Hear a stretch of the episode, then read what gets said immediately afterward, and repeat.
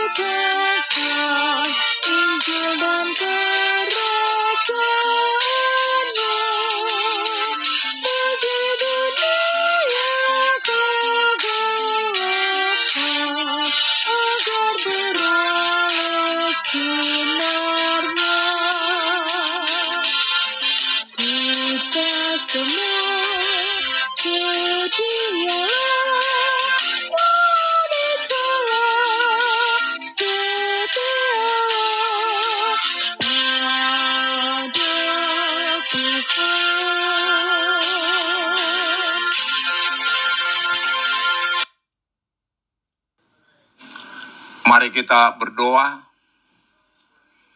Tuhan, puji-pujian dan ucapan syukur kami naikkan kepadamu di pagi hari ini. Atas kasih setiamu, atas berkat-berkat dan penyertaanmu kepada kami. Di pagi hari ini kami hendak mendengarkan dan merenungkan firman-Mu ungkapkan kepada kami kebenaran firman-Mu, dan tolong kami Tuhan melakukan firman-Mu dalam kehidupan kami. Di dalam nama Tuhan Yesus kami berdoa. Amin. Saudara-saudara yang dikasihi Tuhan Yesus, firman Tuhan untuk kita, untuk kita renungkan di pagi hari ini, terambil dari 2 Tesalonika 2 ayat 13 dengan tema Allah memilih kita untuk diselamatkan demikian firman Tuhan. Akan tetapi kami harus selalu mengucap syukur kepada Allah karena kamu saudara-saudara yang dikasihi Tuhan. Sebab Allah dari mulanya telah memilih kamu untuk diselamatkan dalam roh yang menguduskan kamu dan dalam kebenaran yang kamu percayai. Saudara-saudara yang dikasihi Tuhan Yesus, topik renungan di minggu ke-19 setelah Trinitatis ini ialah banyak yang terpanggil tetapi sedikit yang terpilih. Jemaat diingatkan tentang betapa berharganya kita sebagai umat yang terpilih. Ayat renungan ini berada dalam perikop dengan judul dipilih untuk diselamatkan. Rasul Paulus bersyukur kepada Allah yang telah memilih jemaat Tesalonika untuk diselamatkan dalam roh yang menguduskan mereka dalam kebenaran yang mereka percayai. Saudara-saudara yang dikasihi Tuhan Yesus, iman timbul dari pendengaran-pendengaran akan firman Tuhan melalui pemberitaan Injil yang disampaikan oleh Paulus dan rekan-rekannya, jemaat Tesalonika menjadi percaya dan itu terjadi karena tuntunan Roh Kudus. Karena tidak semua yang mendengar firman Tuhan menjadi percaya. Banyak yang terpanggil tetapi sedikit yang terpilih.